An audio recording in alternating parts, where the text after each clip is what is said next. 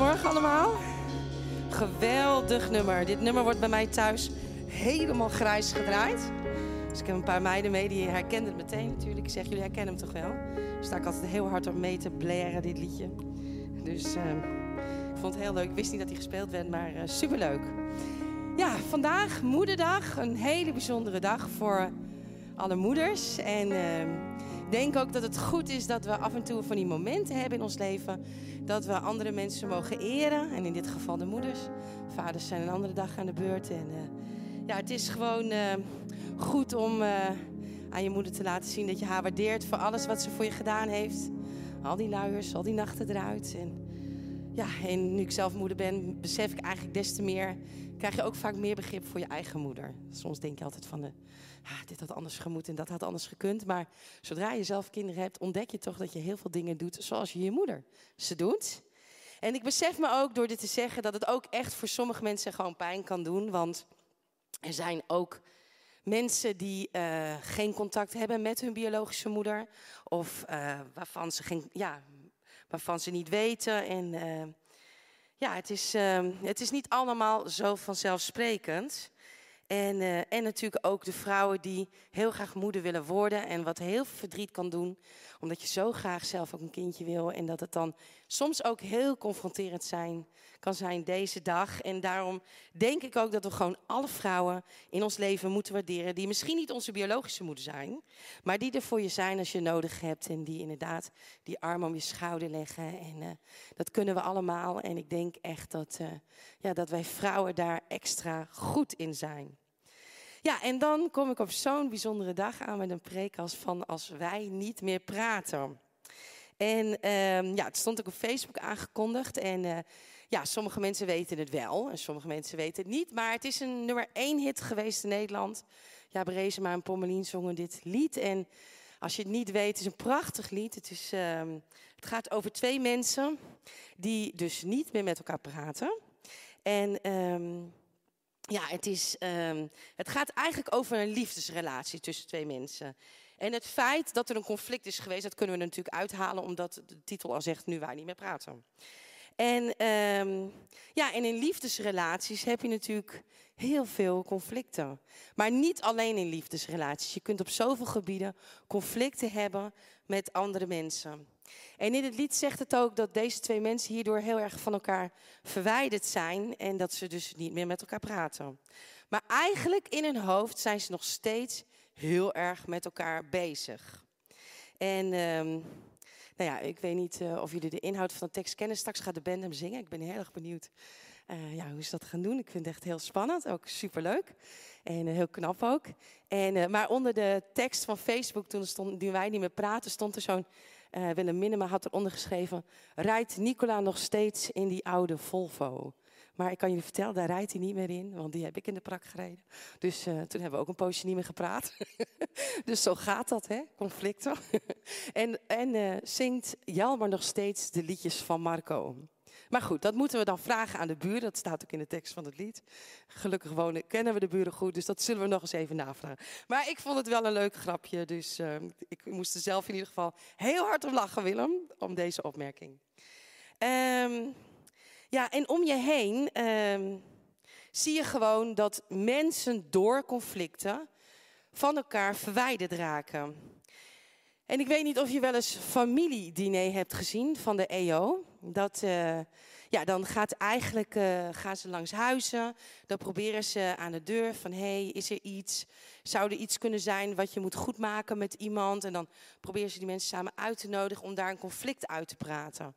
En um, ik vind zelf, persoonlijk vind ik de rijdende rechter heel erg leuk. Ik weet niet of jullie daar ook allemaal naar kijken. En je ziet dat er soms maar een hele kleine ergernis gewoon voor nodig is. Dat mensen gewoon gigantische ruzie met elkaar hebben. Ik verbaas me daar echt heel erg over. En waardoor ze niet meer met elkaar willen praten, geen hand meer willen geven. En um, wat ik ook heel erg leuk vind om te doen, is dan uh, ga ik een beetje de uitkomst voorspellen. Als ik dan de rijdende rechter kijk, dan denk ik, nou, wie zou er nou gelijk hebben? En, um, maar je ziet gewoon ruzies ontstaan soms uit hele kleine dingen. Um, tussen zussen, broers of buren. Buren die het hekje net iets te hoog gemaakt hebben. Of de bladeren die in jouw tuin vallen. Dat zijn, dat zijn echt van die conflicten bij de rijdende rechter. Dat mensen zich daar vreselijk druk om maken. Uh, of vrienden die misschien tegen jou gezegd hebben dat je beter een ander automerk had kunnen kopen. En waardoor dus de opmerking verkeerd valt en er is een conflict. Schoonouders die vinden dat jij er wel hele vreemde gewoontes op nahoudt. Of je huis is niet schoon genoeg of zoiets. Um, vaak gaat het eigenlijk helemaal niet meer om feiten en om de inhoud, maar gaat het alleen nog maar over gevoelens. Als je vaak het conflict een beetje uitrafelt, dan zie je van, ook bij dit soort dingen, dat het gaat om hele, hele kleine dingetjes. En uh, helemaal niet om hele grote dingen, maar dat dit gewoon ontzettend veel verwijdering brengt en dat mensen daardoor niet meer met elkaar praten. En uh, ja, deze week ben ik helemaal in de brief van Jacobus gedoken. En dan zie je dat het thema van deze brief, het is een kleine brief, ik raad het iedereen aan om deze week echt te gaan lezen. Maar daar zie je dat het geloof, eigenlijk geloven in God, blijft niet alleen maar bij het horen. En de, het moet ook zichtbaar worden in onze daden. En um, in Jacobus 3 lezen we wat een grote invloed onze tong heeft op ons leven. Wat zeggen wij en hoe zeggen wij het? Daar staat in Jacobus 3, vers 7: De mens heerst over alle wilde dieren, vogels, kruipende dieren en vissen. De mens kan elk dier temmen. Nou, dat zie je in de dierentuin. Maar het lukt geen mens om zijn tong te beheersen. Je tong kan elk moment zulke lelijke dingen zeggen dat het wel vergif lijkt. Zulke lelijke dingen zeggen dat het wel vergif lijkt. En dat is inderdaad ook wat we soms ervaren, toch? Als iemand iets heel lelijks tegen je zegt. Ik weet niet hoe jullie ervaren, dan woem, dan komt hij soms echt binnen. Dan raakt het me tot in mijn ziel. Je voelt het gewoon verbinnen. Je voelt je gekwetst. Sommige mensen gaan dan vol in de aanval. Die gaan ook kwetsen. En in een huwelijk kun je dat ook wel hebben. Dan denk je, jij zegt lelijke dingen. Ik kan nog lelijke dingen zeggen, dus ik begin ook maar. Anderen die denken van, weet je, uh, het is wel goed met jou, ik, uh, ik praat niet meer, uh, klaar ermee. En dan kom je dus echt op het niveau waar erop, waarop er gewoon niet meer gepraat wordt. En we zijn op de een of andere manier, hebben we allemaal een beetje in ons dat we toch een beetje ons gelijk willen hebben of zo. En het is soms heel gênant, jullie kennen dit vast allemaal, en misschien doe ik het zelf ook wel eens, dat je op een verjaardag een echtpaar, die wil je dan iets vertellen, en dan zeggen ze ja, en in juli 2015, toen hebben we besloten om te gaan verhuizen of te bouwen. En dan zegt de echtgenoot, niet waar, dat was niet in juli. Dat was in augustus, want toen gebeurde dit en dat. En dan krijg je van die gevechtjes. Dan gaan ze heel hard kibbelen over datums. En dan zit je erbij, een beetje gênant wordt het dan ook. En dan denk je, wat kan mij het schelen? wanneer het was. Maar dan zie je gewoon dat daar gewoon een soort ruzietje ontstaat. En je voelt je er zelf gewoon ook heel ongemakkelijk bij. En um, ja, dat, dat, dat hebben we gewoon, die neiging. Um, ja, om, om een beetje ons, om ons recht, om ons gelijk te hebben of zo. En ik hoor mensen nu al denken, oh, maar dan moet ik dus over me heen laten lopen. Hè? Dat is dus eigenlijk wat je zegt. Of ik moet maar verstoppertje gaan spelen over hoe ik me voel. Maar daar heb ik het niet over. Maar hoe vaak worden we niet Ik heb het niet vaak over de hele grote dingen, maar gewoon over die kleine ergernissen. Mensen die anders zijn. Die vervelende collega op je werk, die altijd maar over één onderwerp kan hebben. Of die buurman met zijn bomen waarvan de blaadjes in jouw tuin vallen en jij moet het opruimen. Die akelige baas. Die, die, die nooit iets positiefs over jou kan zeggen. Of waarvan je denkt, oh, dan ga ik maar met een boog omheen. Mijn preek gaat echt over ergernissen van alle dag, die we allemaal hebben. En, um, want we zijn zo gauw geneigd om negatief te denken over anderen. Als iemand een foute opmerking maakt, uh, een post op Facebook die mij niet zint, omdat het niet mijn mening is die daar gezegd wordt. Je ziet het in praatprogramma's om je heen. Ik vind het echt soms gewoon heb ik gewoon plaatsvangende schaamte als ik naar programma's kijk, omdat mensen elkaar niet laten uitpraten. Mensen uiten hun mening, gaan er met gestrekt been in als iemand iets anders zegt of vinden. En, uh, want het strookt niet met hun gedachten. Vooral als het gaat over politieke en religieuze meningen, ideeën, dan zijn we opeens niet zo heel tolerant meer. En nu de verkiezingen achter de rug zijn, en ik denk dat jullie het ook allemaal meegemaakt hebben op je Facebook, dan plaatsen mensen hun politieke voorkeur, toch? Links of rechts, het maakt me allemaal niet uit. Maar dan vervolgens gaan de mensen allemaal op reageren. Want als jij iets plaatst wat links is, dan, en ik ben heel erg rechts, dan ga ik daar ook weer iets over zeggen. En geloof me, soms zijn dingen zo dat je denkt, nou, dit kun je gewoon niet maken of dit doe je niet. Je, je gaat niet zo je mening maar lopen ventileren. Maar goed, dat doen mensen dus wel. En uh, we veroordelen elkaar daarom ook gewoon over meningen. Gewoon over iets wat je vindt. Wel of geen vaccinatie. Of, en dan, dan allemaal voor- en tegenstanders. En, en welk kamp sta je dan? Hè? Je moet ook bijna wel een kamp kiezen. Als je soms over een onderwerp zegt, ja, ja ik weet het even niet hoor. Ik heb er geen mening over. Dan uh, word je bijna raar aangekeken. Maar goed, de Bijbel spreekt heel duidelijk en specifiek over conflicten. En hij roept ons op om vredestichters te zijn. En ik vond het zelf wel heel bijzonder. Want ik had opeens zoiets, je hebt soms zoiets als je de Bijbel leest dat je denkt, hé, dit had ik echt nog nooit zo gelezen. Het is heerlijk voor je, in Matthäus 5 vers 9, als je de vrede probeert te maken en te bewaren, want dan zal je een kind van God genoemd worden. We worden niet alleen opgeroepen om vrede te bewaren, maar ook om te maken. Bewaren kan nog, toch? Vrede bewaren, ook al moeilijk. Maar om vrede te maken, dat vind ik nog wel echt een stap verder gaan.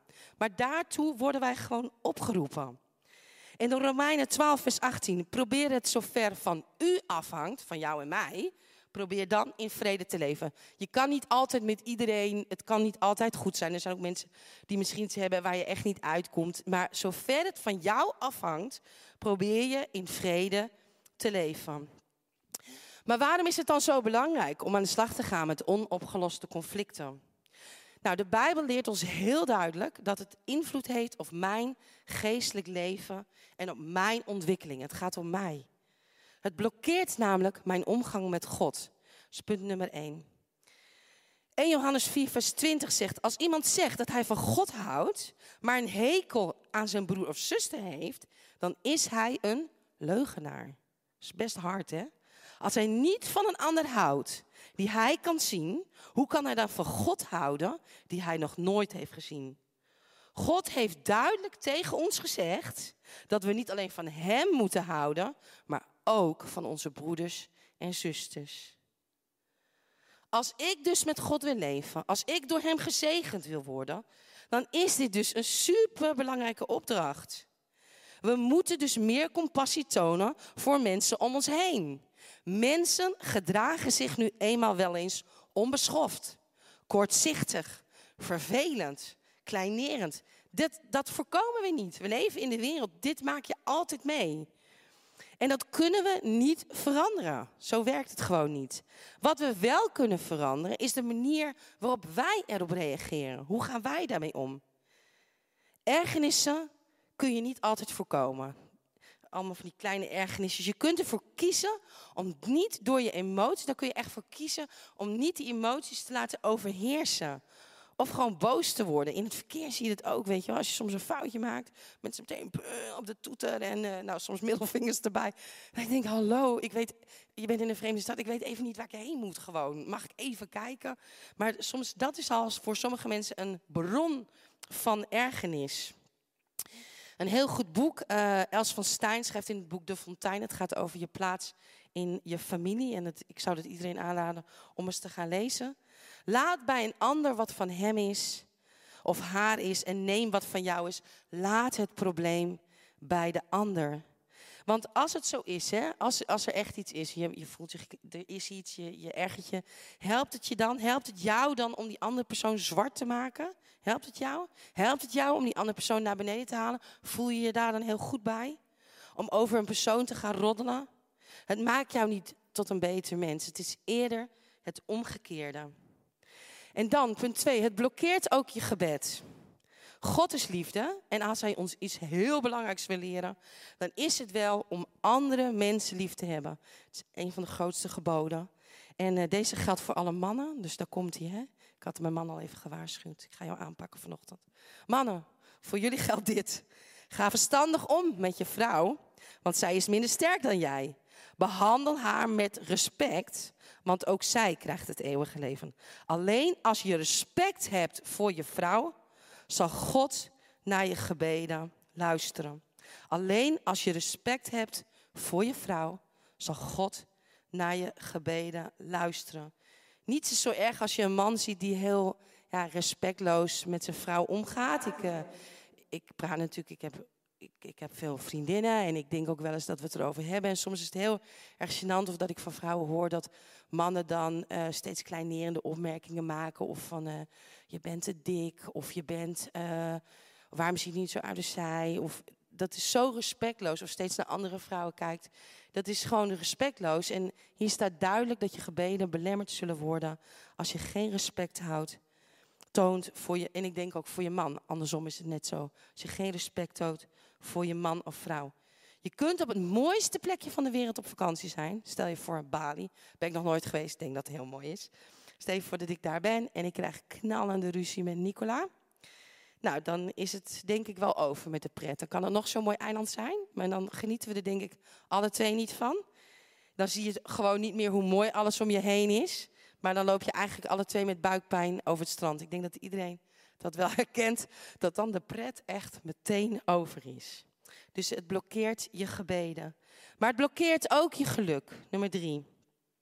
Jacobus 3, vers 13 tot en met 17. Wie van jullie zijn er wijs en verstandig? Dat zijn mensen die zich altijd goed gedragen en vriendelijk zijn tegenover iedereen. Die, staat er echt, hè, altijd vriendelijk zijn en goed gedragen.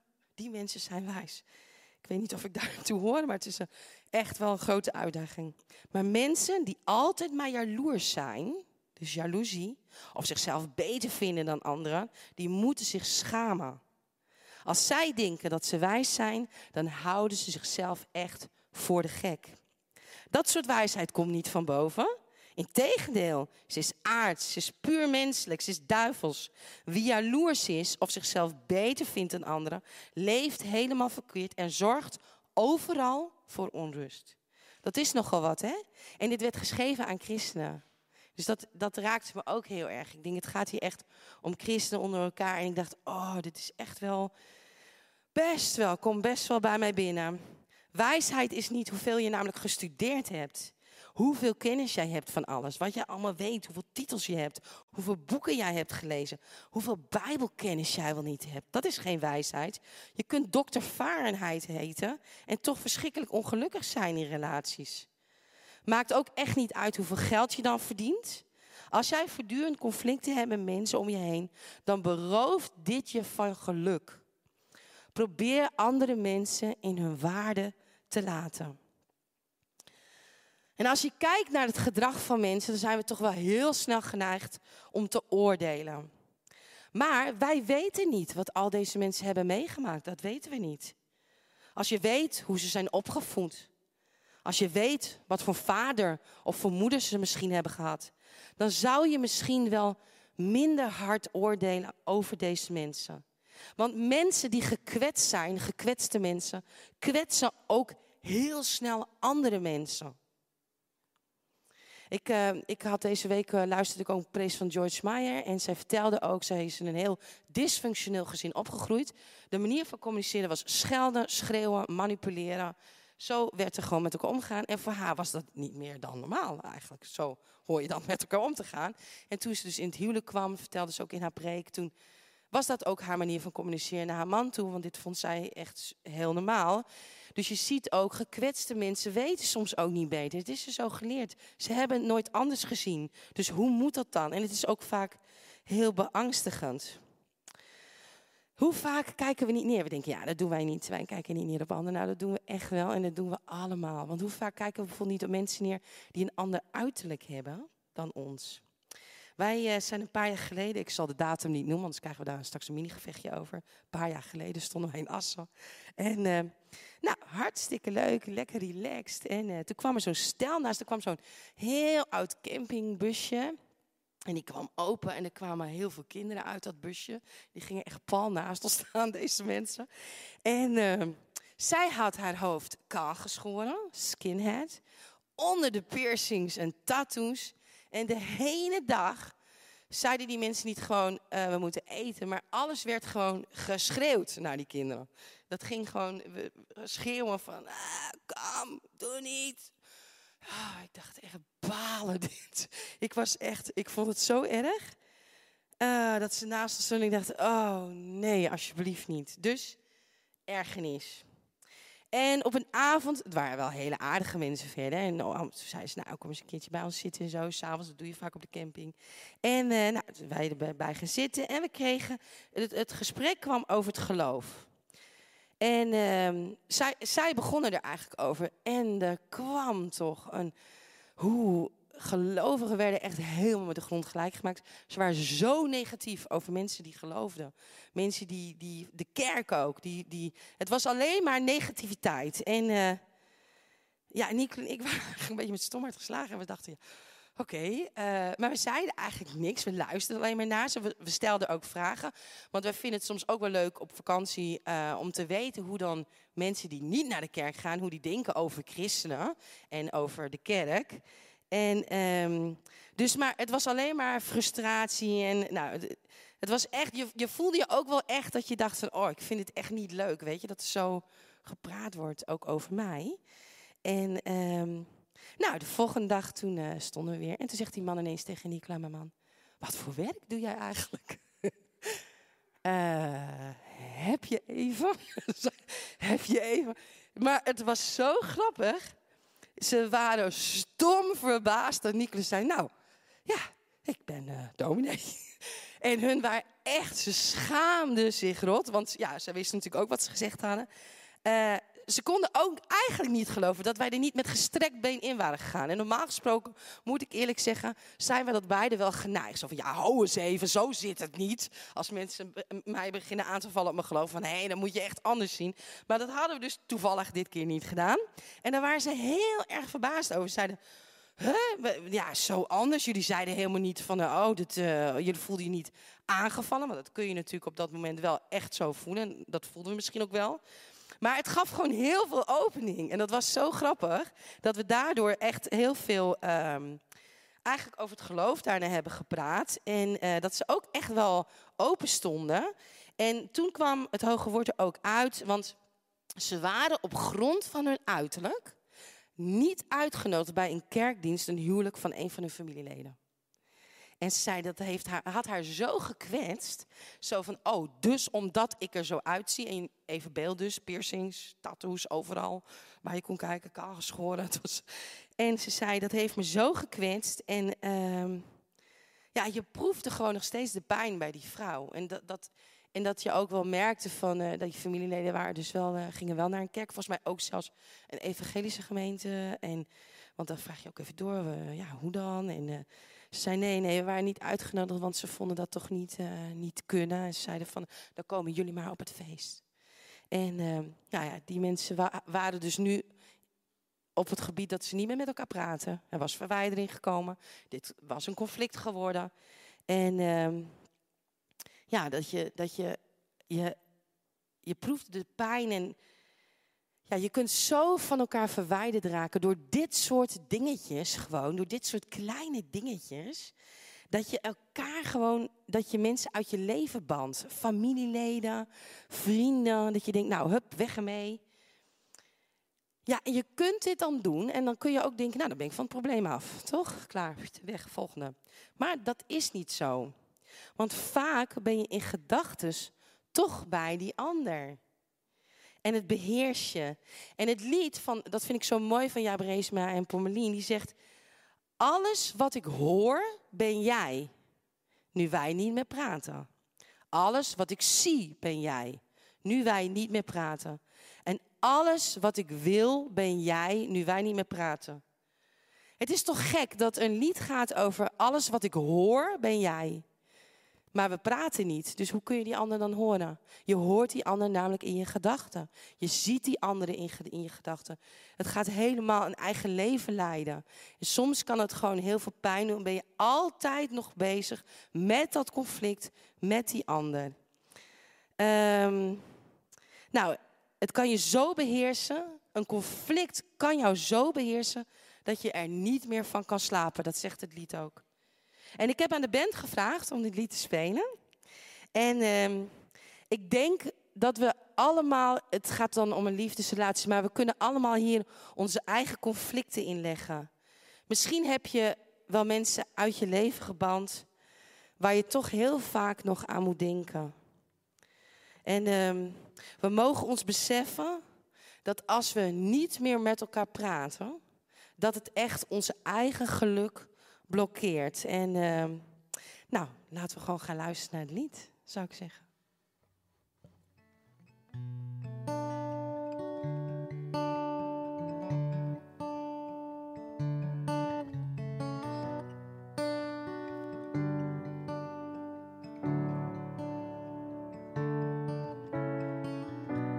Zing je nog steeds mee met liedjes van Marco? Tot de buurman klaagt. Rij je nog steeds in die oude Volvo? Ik wil weten hoe het met je gaat en of je ooit nog aan me denkt. Ik mis je, waar is je stem? Nu wij niet meer praten, nu ik je niet hoor, kan ik niet denken, kan ik niet slapen. Nu wij niet meer praten, en jij er niet bent, mis ik de ruzies die ik vroeger haatte. Ik weet het is te laat als ik zeg dat het me raakt, maar ik zie nu wat ik mis. Nu wij niet meer praten, oh, oh, nu wij niet meer praten. Hier alleen nu langs pleinen en grachten. In de hoop dat jij hier staat. Te vroeg, hoe had ik moeten wachten? Wil weten hoe het met je gaat en of je ooit nog aan me denkt. Ik mis je, waar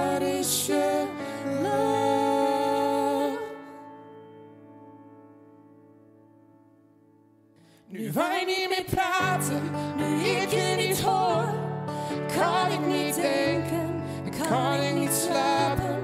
Nu wij niet meer praten en jij er niet bent, mis ik de ruzies die ik vroeger haatte. Ik weet het is te laat als ik zeg dat het me raakt, maar ik, zie nu wat ik mis. Nu wij niet meer praten, oh, wij niet meer praten. En alles wat ik hoor Nu jou, wij niet meer praten. en alles wat ik zie Nu jou, wij niet meer praten. en alles wat ik wil Nu jou. wij niet meer praten. Je ik je hier bij mij. Nu wij niet meer praten, ik je niet hoor, kan ik niet denken, kan ik niet slapen. Wij niet meer praten, oh, oh, wij niet meer praten. Wow, echt heel erg, heel erg mooi gezongen. Prachtig lied, hè? En het is, eh, ja, dan staat er ook, ik weet het is te laat als, als je zegt dat het me raakt. Maar is dat ook zo? Is het te laat om te praten? Dat is de vraag. Even kijken hoor, waar ben ik? Ehm, ja, we moeten wel eerlijk zijn dat soms conflicten niet meer een geheel herstellen zullen opleveren in een relatie. Soms is het gewoon, er is zoveel gebeurd en dan, dan los je het conflict op, maar het wordt nooit meer zoals het was. En daar, dat hoeft ook niet altijd.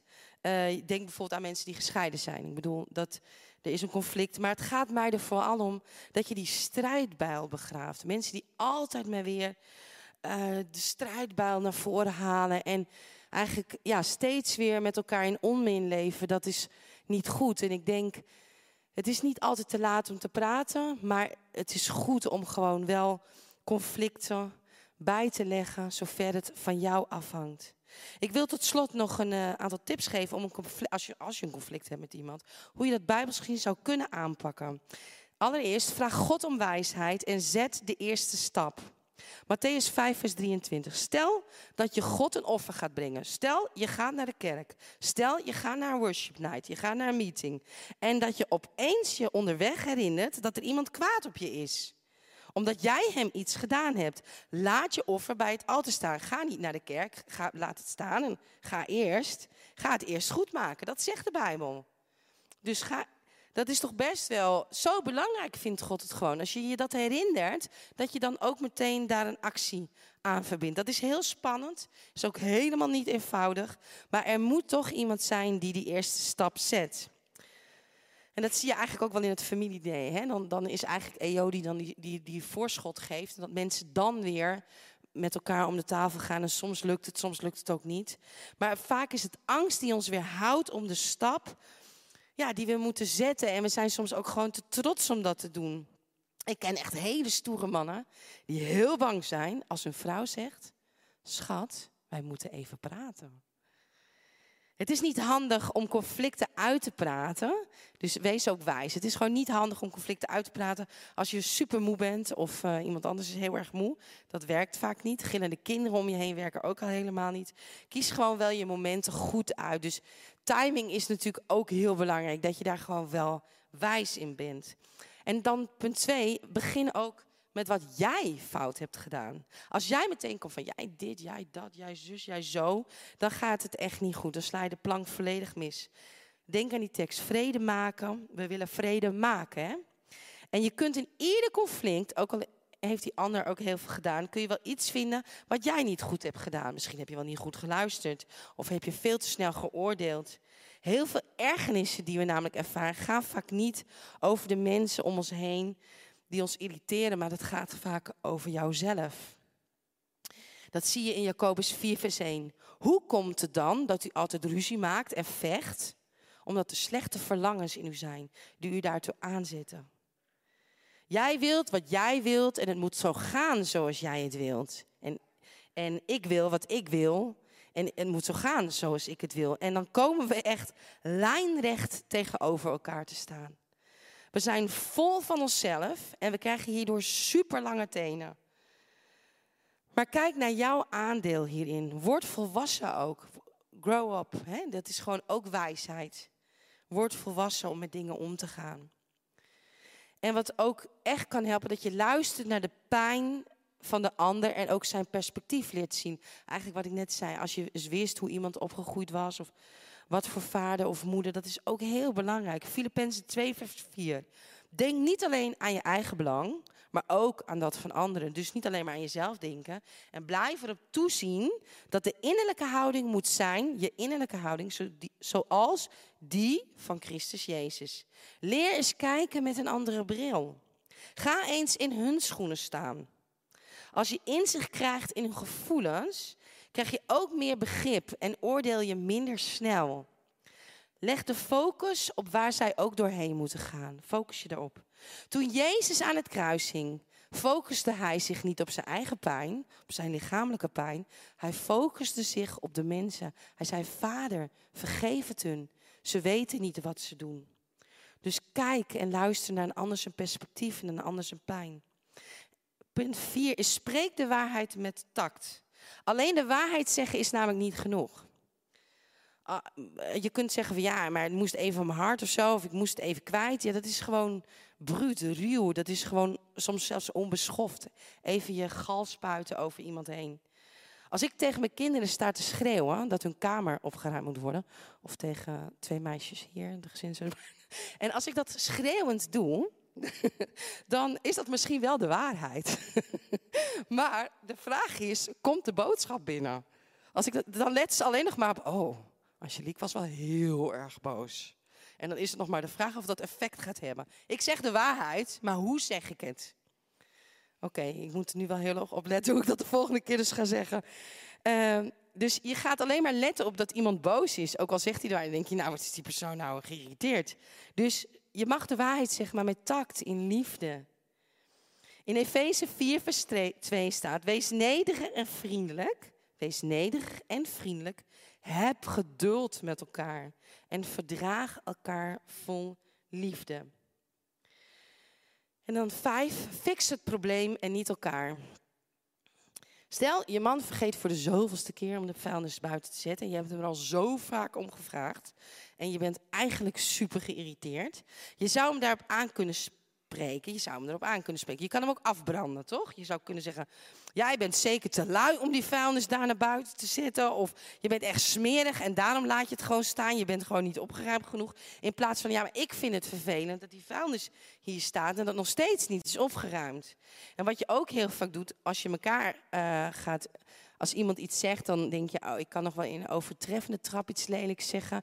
Dus je gaat, uh, je gaat elkaar, zeg maar, uh, bevechten. En je hebt het eigenlijk niet eens meer over het probleem wat er is. De, want dan, dan kan de ander bijvoorbeeld zeggen: Oh, dus jij vindt mij smerig? Dat, dat is wat je wil zeggen, jij vindt mij smerig? En dan gaat het, dus het gaat een hele vlucht nemen. Terwijl het eigenlijk gaat om de vuilnis die gewoon opgeruimd moet worden. Ik noem maar wat. Ik had een uh, collega op het werk. En uh, zij was uh, voor de tweede keer getrouwd. Ze was de kostwinner. Hij was thuis. En um, ik merkte dat er tijdens de koffie dan klagen vrouwen wel eens over hun man. Van, die van mij, zwaar, zwaar leven. Ik heb een heel zwaar leven. Maar goed, zij had dus zoiets van, oh, dan kom ik straks thuis. En dan, pff, dan, uh, ja, en dan moet ik uh, alles nog doen. Dan heeft hij vast niks gedaan ook. En, ja, en dan, dan ben ik al hartstikke moe. Nou, we kennen dat wel. Ik ben hartstikke moe. En dan, uh, ja, dan kan ik straks weer gaan stofzuigen. En hij snapt gewoon niet dat ik moe ben. En dat ik gewoon even lekker wil zitten of zo na mijn werk. En ik vroeg haar, maar heb je hem dan wel gevraagd om te gaan stofzuigen? Gewoon heel simpel. Heb je wel gevraagd? Ja, nee, zegt ze. Nee, ja, weet je wat ik doe? Let op. Ik laat de stofzuiger midden in de woonkamer staan. Nou, dan begrijpt hij toch zeker wel de hint dat hij moet gaan stofzuigen. Ik zei, nou, ik zal je vertellen, als ik de stofzuiger in het midden van de woonkamer laat staan, stapt mijn man er overheen. En die denkt, wat doet die stofzuiger hier midden in die woonkamer? Ik zeg, dit is voor geen enkele man een hint. En heel veel vrouwen gaan deze ook herkennen. De was onder aan de trap heb ik opgevouwen. Het staat onder aan de trap. En de hele familie uitgezonderd stapt over die was heen. En er is niemand die op het idee komt om die was mee naar boven te nemen. Dat moet je dus zeggen. En als je niet zegt, dan wordt het gewoon niet gedaan. Dus je moet soms ook gewoon beter communiceren. Dat is ook heel belangrijk. Ja, we leven echt in een wereld vol conflicten. Om ons heen, overal. Grote conflicten, kleine conflicten, scheidingen, burenruzies, stress, racisme, terrorisme. En conflicten rondom alle maatregelen van corona, wat we zien. De een vindt wel een avondklok, de ander vindt het niet. We ontkomen er niet aan. En ik wil nog één keer die tekst voorlezen uit Matthäus 5, vers 9. Het is heerlijk voor je als je de vrede probeert te maken. Vrede maken en bewaren. Want dan zul jij een kind van God worden genoemd. We zijn vredestichters, we zijn brugbouwers. We laten ons niet opfokken door omstandigheden. Als we de vrede van God in ons hart hebben, en dat is een vrede die alle verstand te boven gaat dan raken wij niet meer zo snel geïrriteerd. Dan kunnen we één zijn zonder het met elkaar eens te zijn. In een huwelijk ben je het niet altijd met elkaar eens, maar je bent toch één. Als er mensen zijn die zeggen: Ik heb nooit ruzie in mijn huwelijk, dan zeg ik: Dan is één van twee echt overbodig. Want dat gebeurt niet. Tuurlijk heb je ruzie. Maar je kunt één zijn zonder het met elkaar eens te zijn. We respecteren de ander gewoon om zijn of haar mening. Toon respect naar elkaar. De kunst is gewoon om op je eigen plek te gaan staan en de ander ook een plek te gunnen. Zo creëer je verbinding met jezelf, maar ook met een ander. Maak het allereerst in orde met God, want de vrede van God die alle verstand te boven gaat. Die vrede kunnen we niet vinden in de wereld. Die is er niet. Want de wereld om ons heen verandert. En het verandert voortdurend. En de conflicten worden alleen maar erger en erger. En als we niet diep van binnen die vrede ervaren, dan is het heel belangrijk om heel dicht, heel dicht bij God te komen. En om die vrede echt te gaan ervaren. Er kunnen zoveel omstandigheden zijn die je gewoon eigenlijk van je voeten vegen. Waardoor je denkt, nou ik weet het even niet meer. Maak het in orde met God. Dat is echt zo belangrijk. Hij kwam naar deze wereld en hij gaf zijn leven. Hij wist al jouw fouten uit en hij houdt niet steeds. Uh, je, hij pepert ze je niet steeds in. Hij houdt niet al je fouten jou steeds voor. Leef in vrede met God. En geef de vrede door aan de mensen om je heen. Geef die vrede om je heen. Deel het uit. Het is waar deze wereld zo ontzettend naar verlangt naar vrede met God en met, met andere mensen. En mensen zijn zo snel van slag en raken zo snel geïrriteerd. En het, is, het wordt steeds erger. En online, iedereen kan maar zijn zegje doen. Maar laten we alsjeblieft, ook als christenen, wel weten dat wij die vrede moeten maken en bewaren. Ik wil daarom ook uh, met jullie in gebed gaan. En uh, voor jullie bidden deze ochtend. Ja, Vader in de hemel. Ik wil u zo danken, Heer, dat het woord van u, de Bijbel, zo duidelijk is, Heer. Over dit soort dingen. Over relaties onderling tussen mensen, Heer. Over conflicten. En Heer, dat we mogen weten, Heer, dat als we diep in U geankerd zijn, dat als we U kennen in ons leven, Heer, dat we dan door de U Heilige Geest mogen weten, Heer, dat we dat we gedragen zijn, dat u bij ons bent, dat u ons helpt, Heer. Wat er ook op ons pad komt, Heer Jezus. Wat er ook is. En Heer, ik weet, er zijn hier mensen en er zijn ook mensen die kijken deze ochtend, die misschien nog een conflict hebben.